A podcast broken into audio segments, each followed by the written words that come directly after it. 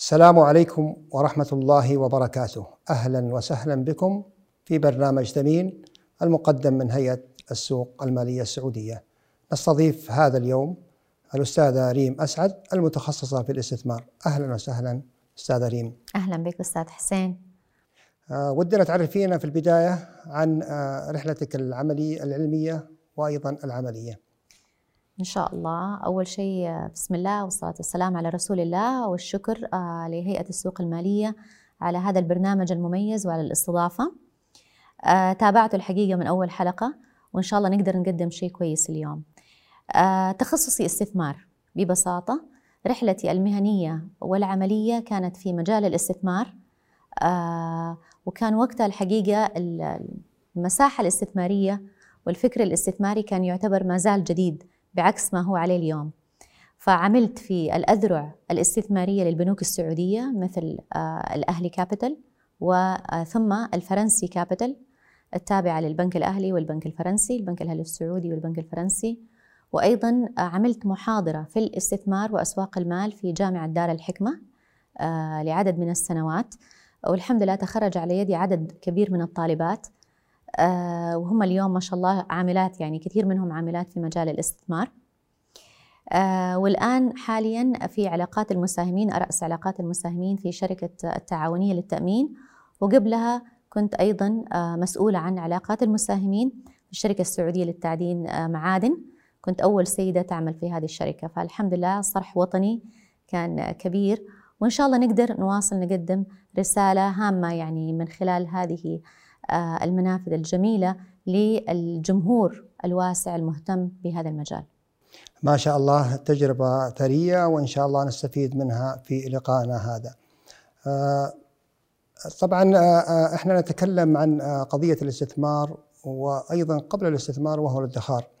نعرف أن في السعودية نسبة الادخار أو الأسرة السعودية نسبة الادخار لديها متدني جدا ولدينا ثقافة الاستهلاك تغلب على ثقافة الادخار. آه سؤالي آه هل نستطيع أن ننمي ثقافة الادخار عن طريق آه أوعية استثمارية تحقق مردود جيد ونصل بثقافة الاستثمار إلى مستويات المستهدفة في رؤية 2030 أن تكون نسبة الادخار 10% نعم. آه سؤال جيد ولكن آه نعود شوية للوراء آه في نفس الحيز هذا. يبغى لنا نتطلع إنه هل فعلا نحن عندنا مشكلة في الادخار أم مشكلة في التخطيط؟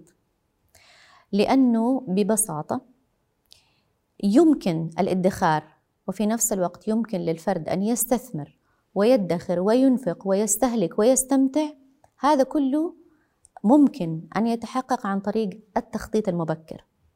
فالإنسان لو قسم وعمل على رسم خارطة مالية لعدد من السنوات أمامه كل ما سبق اللي تفضلت فيه ممكن.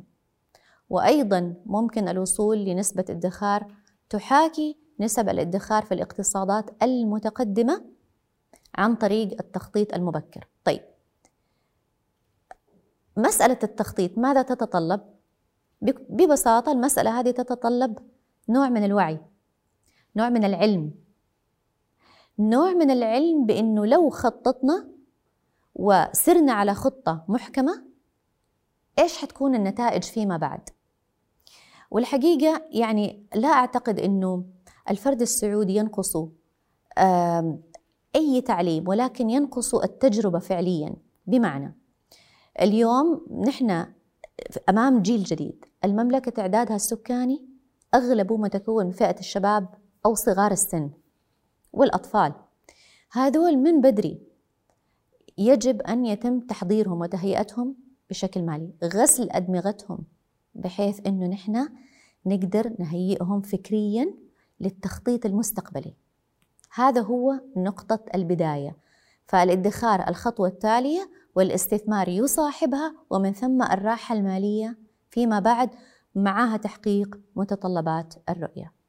يعني انت بتتكلمي انه لابد هذه الثقافة الادخارية نزرعها من الصغر وبمعنى آخر هل يعني تقترحين أن يكون هنالك منهج على مراحل الدراسية أن يكون منهج ينمي ثقافة الادخار والاستثمار؟ أكيد أنا هذا الحقيقة من حوالي عشر سنوات طالبت فيه في عدة مقالات آه، بعنوان أعتقد في جريدة الاقتصادية كتبت مقالين تحديدا أو مقال من جزئين على هذه النقطة. كيف ننشئ جيل آه، لديه وعي مالي أو ما شابه هذا العنوان في هذه الحدود؟ آه، تكلمت فيه عن أثر النموذج. لا يكفي أن نغذي الفكر بالتخطيط المالي ولكن يجب أن يكون الأسرة نفسها لديها نماذج لأن الطفل يتعلم بالنموذج اللي أمامه الأم الأبو المحيط الأسرة بشكل عام.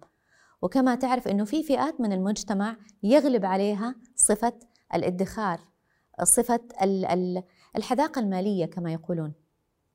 هذه ليش؟ معنى ذلك أن المحيط لها تأثير على فكر الإنسان.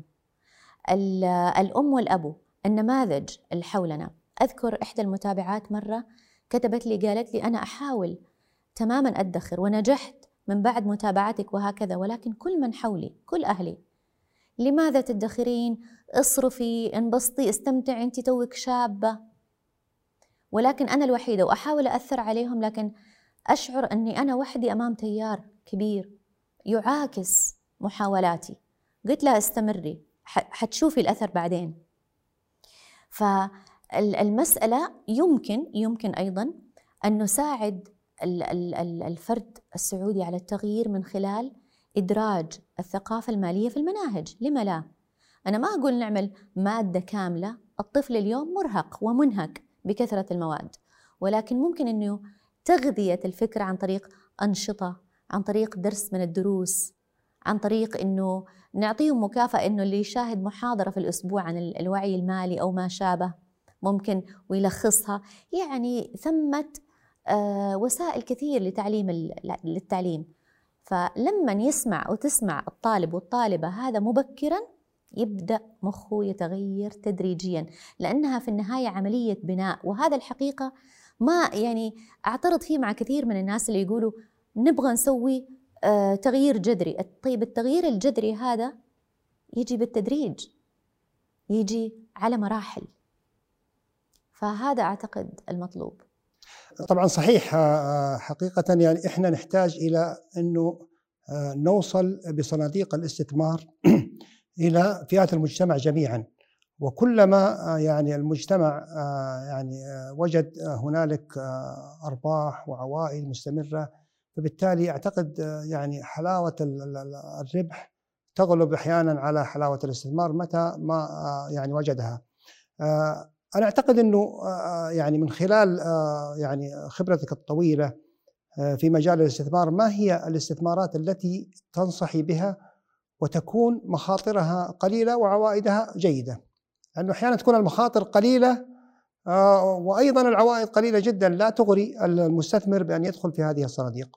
صحيح هنا نتكلم عن موضوع الاستثمار طبعا تكلمنا منذ قليل عن التخطيط اولا ثم عن الادخار عن الاستثمار.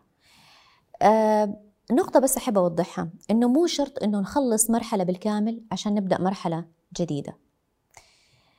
هو الموضوع بنائي تراكبي تراكمي كله مركب مع بعض. بمعنى اليوم أنا أخطط أخصص مبالغ مالية مدخرة إذا الادخار يجب أن يأتي مبكرا ومن ثم آه، أو مع يلازم استثمار المدخرات. فأنت أستاذ حسين جبت نقطة مرة مهمة. في ماذا نستثمر؟ هذا السؤال يصلني دائما وبشكل مستمر. لا توجد عصا سحرية ولكن يوجد الآتي. يوجد أن يكون عندنا فكر. أنا اليوم أقول أنه أنا يكفيني استثمار يعطيني عائد إكس ولنفترض أنه 10% لمدة 25 سنة. نفترض أنه باقي للإنسان على التقاعد أو يرغب بالتقاعد بعد 25 سنة. 25 سنة بنسبة 10% هذه بالراحة تصير مليون. طبعا لو بدأنا مثلا بمبلغ 10000 ريال معاها آه، إضافات شهرية وعلى مدى 25 سنة يكون معاها مليون. علشان يكون معك ضعف أو مضاعفات هذا المبلغ تضرب مدخراتك بالعدد اللي تبغاه ثلاثة أو خمسة أو ما شابه. هذا بفرض إنه الاستثمار أعطانا عشرة في المية سنويا ثابتة على هذا المدى الزمني. طبعا اللي بقوله هذا رياضيات ما هو شيء أنا جايبته مثلا من من أحلامي ولا الناس اللي نسمعهم في في الإعلام ولا في الكتب بيقولوا هذا الكلام من من مجرد تخيلات بل هو رياضيات مثبتة وممكن أي واحد يجربها في المعادلات. معادلة القيمة الزمنية للنقود. طيب ما دام المسألة كده فنحن نبحث عن استثمار يعطينا عائد مثلا 10% لمدة سنوات طويلة. السؤال البديهي اللي بعد كده طيب ما هو الاستثمار اللي يعطينا 10% لمدة 25 سنة قدام؟ طبعا هذا موضوع لوحده كبير ثاني. لكن باختصار ومختصر المفيد إنه اللي يبغى يحقق هذا العشرة في المئة هذه ينبغي أن يدخل سوق الأسهم بشكل معين وبطريقة معينة ويلتزم بسلوك استثماري لا يحيد عنه. الكلام هذا مو إنشائي. لو نفكر في كل جملة توي أقولها حنعرف إنه هي تتطلب ديسبلين أو التزام قوي. بمعنى كل المضاربات اللي نشوفها هذه اللي يشتروا ويبيعوا أسهم على أساس تحقيق أرباح جنونية في فترات قياسية أغلبها مو كلها أغلبها يبوء بالفشل. التوصيات اللي نسمعها يعطونا توصيات في مقابل مالي اشتري السهم الفلاني وبيعه بعد فترة فلانية ممكن تضبط معاك مرة اثنين لكن لابد حيجي وقت وينهار كل ما حققته أو جنيته من عوائد. هكذا السوق. هكذا السوق. حتى أعتى المستثمرين الكبار في الأسواق المتقدمة من وارن بافيت وبيتر لينش وغيرهم يقولوا بصعوبة شديدة نتغلب على أداء السوق. طيب ليش أنا قلت هذه المقدمة؟ لأنه سألتوني عن ما هو الاستثمار اللي يحقق 10% نرجع مرجوعنا. إذا الثبات في السوق. نستثمر في أسواق في بمحفظة منوعة. سوق في أسهم سعودية أسهم أمريكية أسهم عالمية. ونتركه يعمل لوحده لمدة عشرين سنة وفوق. في هذه الحالة أنا أكاد أؤكد أنه سيتقاعد الإنسان عنده كمية مدخرات وهو مرتاح. على الأقل تقيه أو آه يعني تكفيه من حاجة السؤال لأحد أو الدخول في ديون ما لها داعي. طبعا هذا كله أيضا يتطلب أن الإنسان ما ينفق أكثر من احتياجه ما ينفق أكثر. كلنا نحب أنه نلبس أحسن ملابس أو أنه نركب سيارات مرتبة أو أنه آه ننفق في التجارب الممتعة كالسفر كالتعليم كالرياضة كالهوايات. هذا كله لا بأس. ما أقول أبدا أنه نحن ما نمارس هذا النمط المعيشي ولكن كل اللي أقوله التخطيط. لو قسمنا ما لدينا واستثمرنا بشكل صحيح يصير عائد الاستثمارات المدخرات هذه ممكن يغطي لنا. يعني مثلا لو حققنا في سنة 20% الأسواق هكذا الأسواق لا ما توعدنا الأسواق لا تعد ب 10% ولا ب 5% ولا ب 50% ممكن تحصل سنة 50% وتحصل سنة minus بال minus 20% وسنة 5% وهكذا. لكن ليش نقول امسك عليها 20 أو 25 سنة؟ لأننا نأخذ متوسط. متوسط كل هذه التقلبات. طالع فوق نازل للأسفل هابط. في سنة سنوات يكون فيها كراش. في سنوات يكون فيها صعود. آه غير مسبوق. خمسة ستة سنين ورا بعض. إحنا شفنا السوق الأمريكي الآن. خمسة ستة سنين ورا بعض مقفل موجب موجب موجب. حتيجي سنوات عجاف هكذا سنة الأسواق. فالمتوسط يعطينا عوائد حسبوها من أكثر من مئة سنة. المتوسط حقها عشرة في المية بالصعود والهبوط. تجيك الناس اللي تقول لا والله أنا زميلي أو جاري حقق خمسين في المئة مع التوصيات الفلانية. فلان ضبط مع الحظ. وأنا أؤكد لك إنه فلان اللي حقق 50 أو 100 أو 150 في المئة جاته سنوات خسر كل اللي حققه. لأن السوق لا يمكن التذاكي على السوق إلا بصعوبة. فهذا اختصار في ماذا نستثمر؟ نستثمر يكون عندنا محفظة متنوعة فيها أسهم متنوعة جغرافيا وإقليميا في المملكة ممكن نحط في الأسهم السعودية أيضا يكون عندنا أسهم أمريكية يكون عندنا أسهم دولية يكون ممكن عندنا بعض الصكوك أو السندات عشان تعطينا نوع من من العائد. وأيضا من المهم جدا جدا جدا أنه يكون عندنا جزء من الكاش السيولة في المحفظة. يعني بين 10 إلى 15% سيولة. لماذا؟ عشان أوقات لما تيجي فرص ما يكون كل الفلوس محجوزة في أسهم نضطر نبيع أو أحيانا يصير في هبوط في السوق. وأنت وقتها ممكن تكون محتاج سيولة. فيكون معك سيولة جاهزة. هذه باختصار الفكر الاستثماري. التنويع الانضباط والالتزام التخطيط المبكر. مصداقا لكلامك آه، في دراسات آه، عالمية على المضاربة اليومية الأفراد الذين يضاربون يوميا على مدى ثلاث سنوات 90% منهم يخسرون. يعني خلال هذا العام بعض الصناديق التي المحلية التي استثمرت في الأسهم المحلية تجاوزت عوائدها 45% وهذا يعني يعتبر يعني جيد. وأعتقد إنه آه، يفترض آه، أن أن ننمي آه، ثقافة الاستثمار عن طريق الصناديق الاستثمارية. ورقميا يعني كان 2016 أصول الصناديق الاستثمارية في السعودية 102 مليار. اليوم إحنا نتكلم عن 238 مليار قفزة قوية جدا في صناديق الاستثمار. أيضا الصناديق الاستثمارية التي في الأسهم أعتقد آه، ارتفعت خلال هذا العام أصولها آه، تقريبا 30% هذا يعني أن أداء الصناديق الاستثمارية خلال السنوات الماضية شجع آه، المستثمرون إلى الدخول في هذه الصناديق الاستثمارية. فنحن نحتاج إلى بعض التوعية. ما هو رأيك يعني كيف نوصل هذه الثقافة الاستثمارية في الصناديق الاستثمارية إلى المستثمرين؟ آه، أنت ذكرت نقطة من من فترة من كم دقيقة قلت لي إنه آه، الفكر الاستثماري هذا يبغى له أدوات استثمارية تساعد وتشجع المستثمر على الدخول فيها ليش؟ لأنه التجربة خير برهان ولو ما وجد مردود فهو ما عنده الدافع أنه يدخل فيها هذا منطقيا سليم جدا طيب ما هي الأدوات؟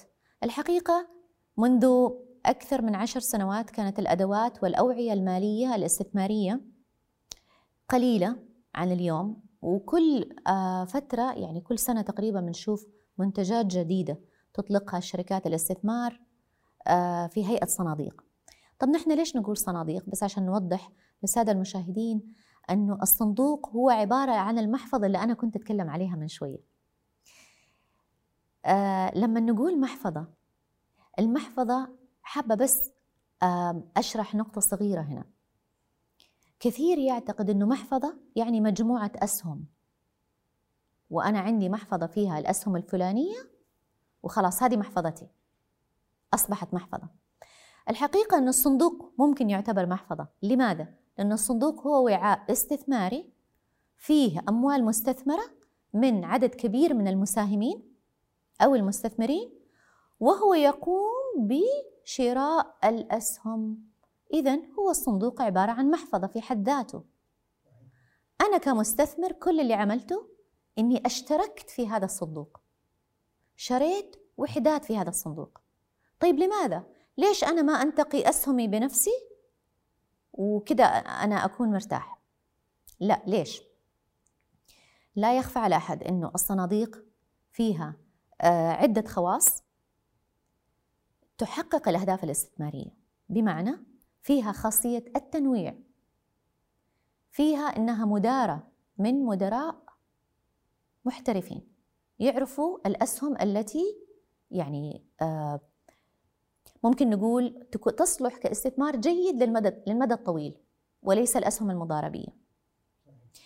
أيضا في صناديق نالت شعبية واسعة والحقيقة آه وبدأ المتابعين يلتفتوا لها اللي هي صناديق المؤشر. بمعنى إحصائيا مثبت أنه المؤشر بشكل عام زي ما قلنا من شوية أنه أداؤه على مدى سنوات طويلة متوسطه 10% أتكلم طبعا عن الأسواق الأمريكية اللي هي الأضخم والأكثر شمولية وتنوعا في العالم. تمام؟ أدائها على فترات طويلة من الزمن متوسطه 10% طيب في ناس تقول كيف أدخل في هذا السوق؟ الإجابة السريعة روح اشتري أسهم السؤال التالي إيش اشتري أسهم؟ عنده عشرات الآلاف كيف كيف يختار؟ الصندوق طيب أي صندوق؟ عندي عشرات الآلاف من الصناديق فعليا ترى الكلام حقيقي عشرات الآلاف ويقف هنا المستثمر محتار لأنه لا يمكن الافتراض أن الإنسان العادي أو المستثمر العادي لديه الخبرة أو العلم في الانتقاء والانتقاء هذا عالم. فإيش ننصح؟ الدخول في صندوق مؤشر. هذا الصندوق يشتري جميع الأسهم في مؤشر كامل. طيب من فين يجيب فلوس؟ من جميع المساهمين هو كحوض وعاء. وهو يقوم بالاستثمار والشراء في كل السوق. طيب إيش الفائدة المحققة هنا؟ التنويع. لأن أسهم طالعة وأسهم نازلة في النهاية يعطينا متوسطات. هي هذه ما يعطي الثباتية. فما تحصل إنه محفظتك أو استثمارك اليوم ماينس 20% وبكرة زائد 30% ما تقدر تنام. نفسيا له أثر سلبي جدا على المساهم أو المستثمر عندما يضع مدخراته اللي تعب فيها في أوعية عالية المخاطر. ما يقدر ينام. كثير من المساهمين وهذه حالات أيضا مثبتة وفي ال behavioral finance أو اللي يسموه السلوك ما ما أقدر أجد له ترجمة مضبوطة باللغة العربية الآن ولكن هو العلم الذي يدمج ما بين علم النفس والمال. كثير من المساهمين يجي لهم أمراض مرتبطة بالتوتر منها الضغط منها السكر في بعضهم والعياذ بالله في أسواق أخرى ومنها أسواق اليابان يكثر حالات الانتحار عند الخسارة. فبشكل عام نحن يعني نرغب بأننا نضع أموالنا في أوعية معقولة المخاطر. وكما تعلم أنت ذكرت أيضا نقطة هامة نبغى استثمارات عائدها جيد بمخاطر معقولة. من المعروف وهذه قاعدة انه المخاطر مع العائد. تأخذ مخاطر أعلى تتوقع عائد أعلى وليس معناته أنه حيتحقق عائد أعلى. اذا الاستثمار في المؤشر هو أفضل استثمار. طيب لمين؟ هل للجميع؟ لا طبعا. أيضا تكلمت عن المضاربة. المضاربة هي أيضا فن هي علم لكن لمن؟ المتخصصين صحيح للمتخصصين. للمحترفين اللي هذه مهنتهم وكمان مو كلهم ناجحين.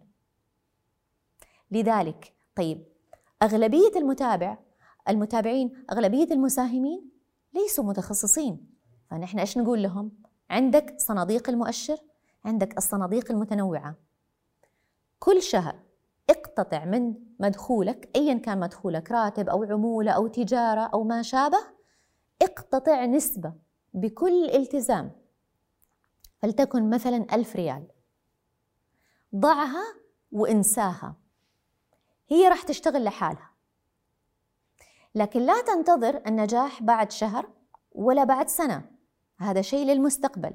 عشان لما تتقاعد أو لما تتوقف عن القدرة على العمل أو لا سمح الله تقف التجارة حقتك أو تتقاعد لأي شكل ما لأي هدف ما يكون معك مدخرات تقدر فعلا أنه آه، ترتكز عليها تنفق منها بشكل لا يسبب لك ارتباك كبير في حياتك ولا في نمط معيشتك ولا في يوم من الأيام تصبح تلاقي ما أنت قادر أنك آه، تشتري شيء معين لأبنائك أو لأنه حياتك ارتجت صار في ارتجاج. لا ما نبغى هذا.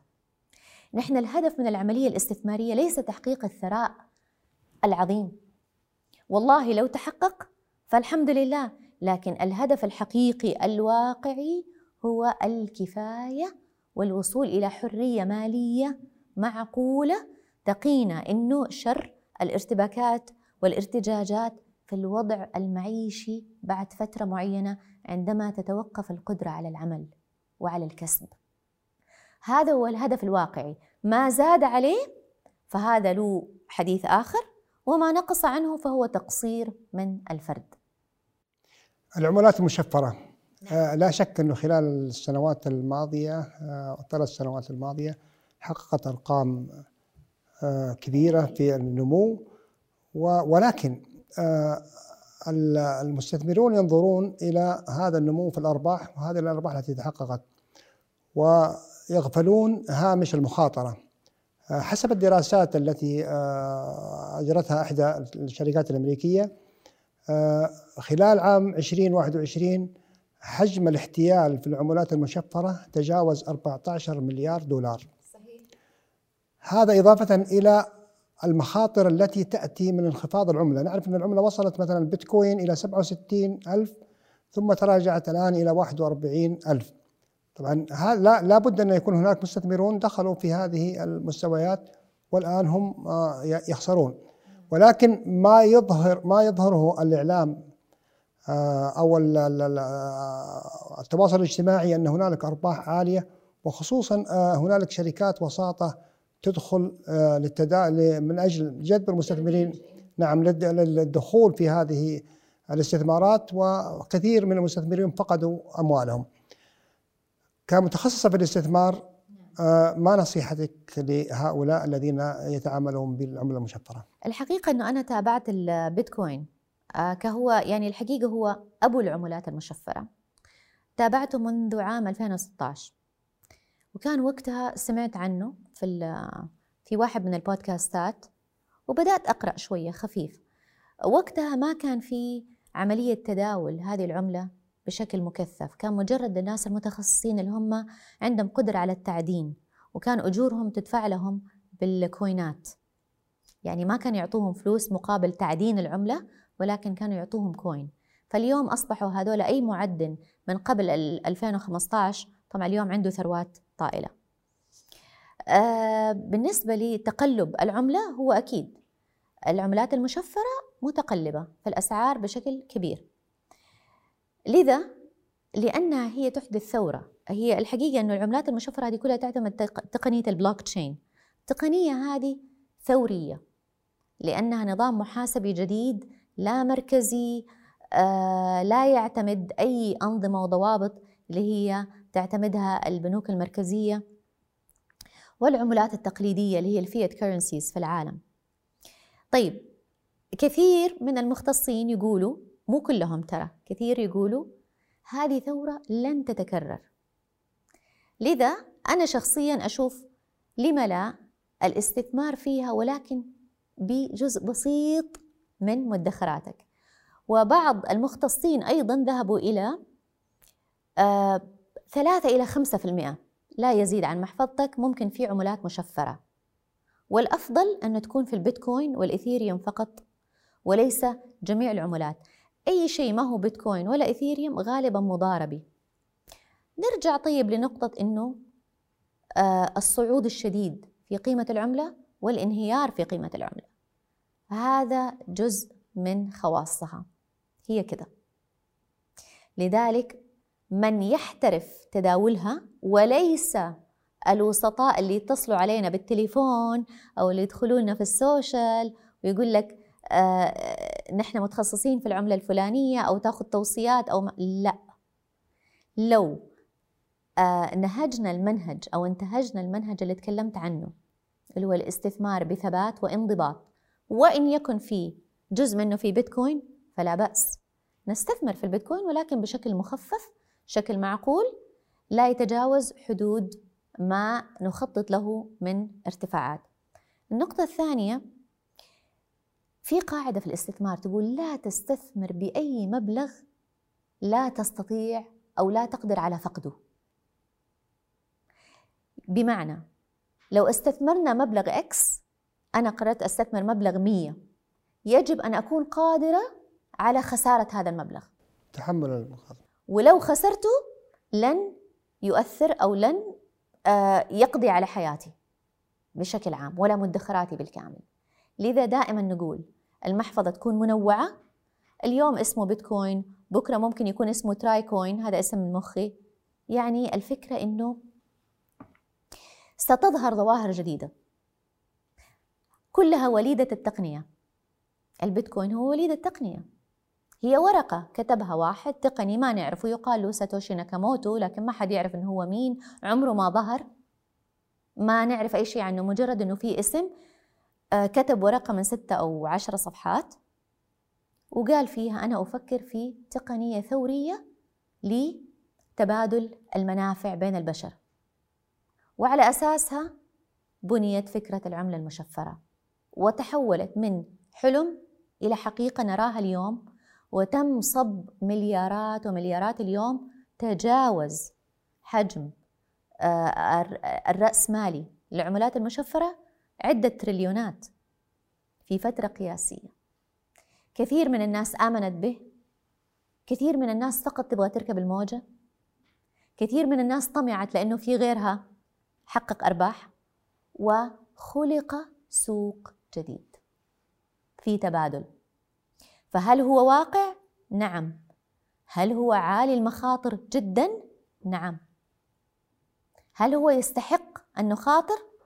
هذا هو موضوع يختلف من شخص لآخر يعني يجينا شخص عمره سبعين سنة يحط مدخراته كلها في بيتكوين أو يحط حتى نصفها في بيتكوين لا طبعا لكن يجي شاب في مقتبل عمره وعنده وظيفة ثابتة ويريد أن يستثمر جزء بسيط من مدخراته في البيتكوين هذا البروفايل لا بأس.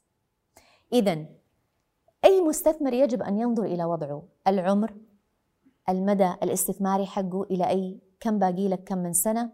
ما هي احتياجاتك للسيولة؟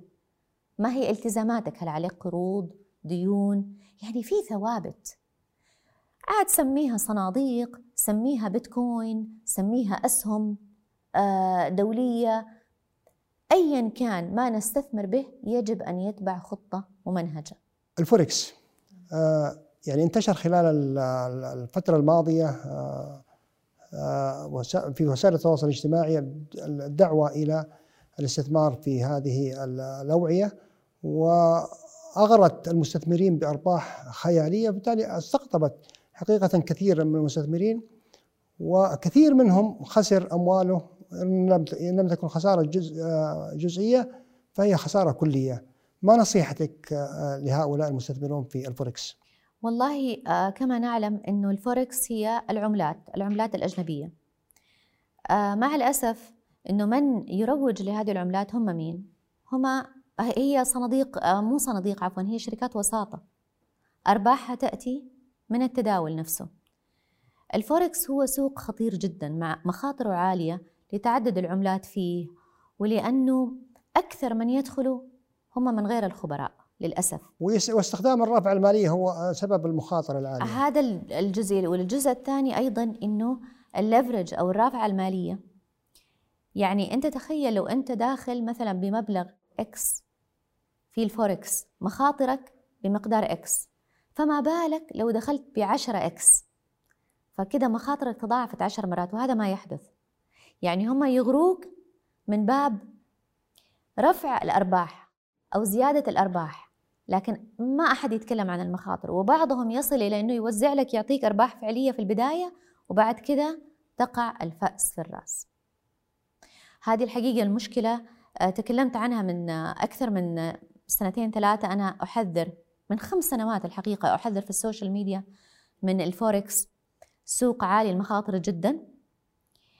وتكثر فيه الاحتيالات. تكثر فيه الاحتيالات لأن الناس المستثمرين البسطاء يقتنعوا بما بتحقيق بعض الأرباح في البداية وبعد كده تنهار كل شيء ويصل كمان إنه هم يكون البالانس حقهم أو رصيدهم أرصدتهم بالسالب ويؤخذ كل ما لديهم اللي حطوه. هذا غير أنه الاحتيال من الشركات نفسها يعني الوسطاء نفسهم أو شركات الوساطة هذه المدعوة أكثرهم أصلا ليست شركات. ممكن يكونوا محتالين يدعون أنهم شركات وفي البداية يغروك بقدر الإمكان ولما تتواصل معاهم عشان تسأل عن أرباحك أو تسأل حتى عن رصيدك بعضهم يختفون بالكلية. موضوع خطير جدا. التفتت له السلطات المالية في العالم كله وفي المملكة عندنا أيضا حذرت منه مؤسسة النقد. حذرت منه هيئة السوق المالية مرارا وتكرارا. وممكن نقول إنه مؤخرا خف شوية الزخم على السوق يعني هذا. بدأوا المحتالين آه، عرفوا إنه آه، زي ما تقول إنه الناس بدأت تكون أكثر وعيا. إنه المتابعين والمشاهدين عرفوا حقيقة هذا الاحتيال. والحقيقة الجهود التوعوية لهيئة السوق المالية آه، يعني أثمرت فعلا بتوعيه المستثمرين بخطورة هذه الاستثمارات. آه، سؤال آه، أستاذ ريم آه، بخصوص الفوائض المالية للشركات، نعرف ان الشركات أحيانا يكون عندها فوائض مالية على مدار السنة فهي تريد أن تستثمر هذه الأموال في قناة استثمارية تكون سريعة السيولة وعائدها جيد، ما تنصحين في الشركات عادة اهتماماتها وأهدافها الاستثمارية تختلف عن الفرد. أهدافها الاستثمارية ليست طويلة الأمد آه، بعد 20 سنة للتقاعد أو ما شابه لا الشركات. جل اهتماماتها وأهدافها الاستثمارية تنحصر في عملية السيولة أو توفير السيولة. فيقول لك بدل ما أنا حاطط مثلا 100 مليون عندي كاش أو 50 مليون كاش أو مبالغ كبيرة نحطها في السيولة وطبعا تكون عرضة للتضخم للتآكل مع التضخم الأسعار. فنحطها في أوعية استثمارية غالبا غالبا تكون صناديق النقد اللي هي ال money market funds. هذه صناديق النقد تمتاز بتوفيرها للسيولة آه، بعد يوم أو اثنين ما نحتاج أنه نبيع شيء آه، مجرد بعضها حتى له صيغة صيغة شرعية. آه، وصناديق النقد هذه هي المناسبة لي زي ما نقول نحن parking the money يعني نضع فيها الكاش لفترات قصيرة جدا من الزمن تفي بالحاجة وتعطي عائد بسيط جدا. ممكن يكون حتى ربع أو عشر في المئة ولكنها أفضل من تركها في الحسابات الجارية. وأيضا قد يعني ممكن نقول إن هي مقارنة بالودائع الودائع الزمنية. آه، إما تضع في ودائع زمنية تربط المبلغ لثلاثة أشهر أو ستة أشهر ترجع تستعيده ثاني وترجع تعيد ربطه وهكذا مقابل فائدة متفق عليها مسبقا أو في صناديق النقد اللي هي تعتبر صناديق سيولة. آه، العقار قناة استثمارية مهمة لشريحة كبيرة من المستثمرون. ولكن آه، مشكلة العقار هي في تسييل المبلغ. يعني نعرف أن أحيانا لما يحتاج المستثمر سيولة فهو لا يستطيع حقيقة بيع العقار إلا قد يستغرق سنة أو سنتين أو قد يعني ينخفض قيمته مؤخرا هيئة السوق المالية سمحت لل الصناديق العقاريه ومسمى العقارية المتداولة ومسمى الريت آه، بالإدراج وحقيقة آه، يعني آه، انتشرت بشكل كبير جدا وعندها توسع في الأصول العقارية. ما هو تقييمك لهذه الصناديق وهل تنصحي أن من يريد الاستثمار في العقار أن يتوجه إلى الصناديق الإستثمارية العقارية المتداولة؟ الريتس هي فئة من الأدوات الاستثمارية آه، ينصح عادة بشكل عام تخصيص جزء من المحفظة للاستثمار في العقار لأنه أيضا آه، وعاء أو, أو, أو أصل مالي لا يمكن آه، إغفاله لأنه سوق العقار هو سوق مهم جدا في أي اقتصاد ويعتبر ركيزة اقتصادية لكثير من الدول.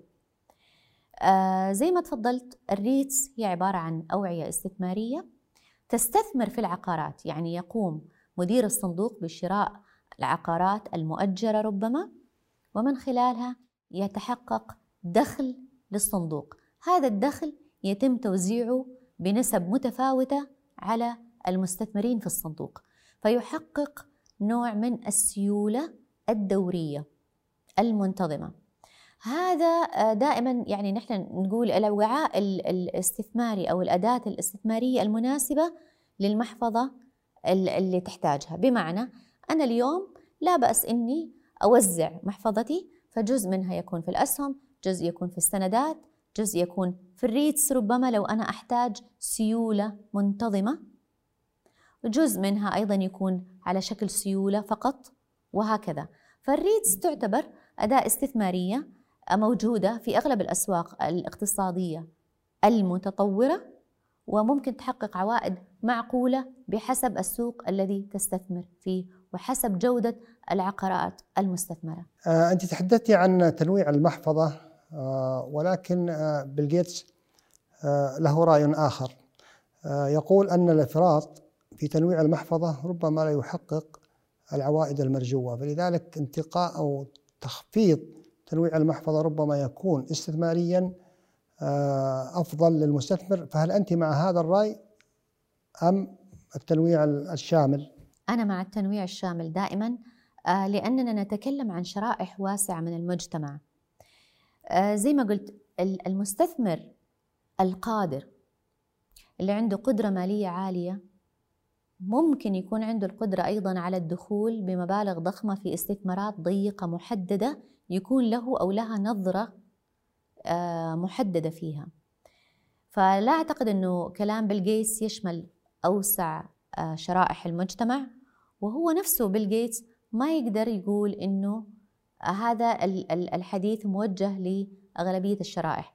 ولكن ما أعتقد أعتقد أنه ما يقصده بيل جيتس هو الإفراط في تنويع أو عدد الأسهم أو الشركات المستثمرة وليس الإفراط في تنويع المحفظة. بمعنى آه، في قاعدة أيضا استثمارية تقول إنه أكثر من 30 شركة مختلفة في نفس المحفظة لا يحقق الفائدة من التنويع. فعندك بحدود من 15 إلى 30 شركة هذا يحقق الفائدة المرجوة من التنويع. ما زاد عن 30 إحصائيا ورياضيا لا يحقق العائد المرجو إذا صلح التعبير. إذا إحنا ندخل في صندوق مؤشر هو صندوق المؤشر يتبع السوق. هذا بشكل عام هذا يعني شكل عام يناسب أغلبية الشرائح. طبعا زي ما قلنا هناك مستثمرين محترفين هناك مضاربين محترفين. نحن لا نتحدث ولا نوجه حديثنا لهذه الفئة لأنه هذه الفئة تعرف ما تفعله. نحن نتكلم عن المساهم العادي. المساهم اللي عنده مدخرات لأنه موظف لأنه عنده دخل محدد ومعروف ولا يستطيع ولا يقوى على التفريط فيه. فلأن خطابنا لهذه الشريحة فنحن نقول التنويع شيء جيد والأفضل أنه يكون محفظة منوعة شاملة. متوازنة في نهاية اللقاء نشكرك أستاذة ريم أسعد على هذا اللقاء الثري وندعو آه، المستثمرين إن شاء الله أن يستفيدوا من هذه النصائح المهمة آه، لهم والتي تقيهم إن شاء الله آه، من مخاطر الاستثمار. ونشكر المشاهدين على هذه المتابعة ونعدكم إن شاء الله بلقاءات ثمين ثرية ومع ضيوف متميزين بحول الله تعالى.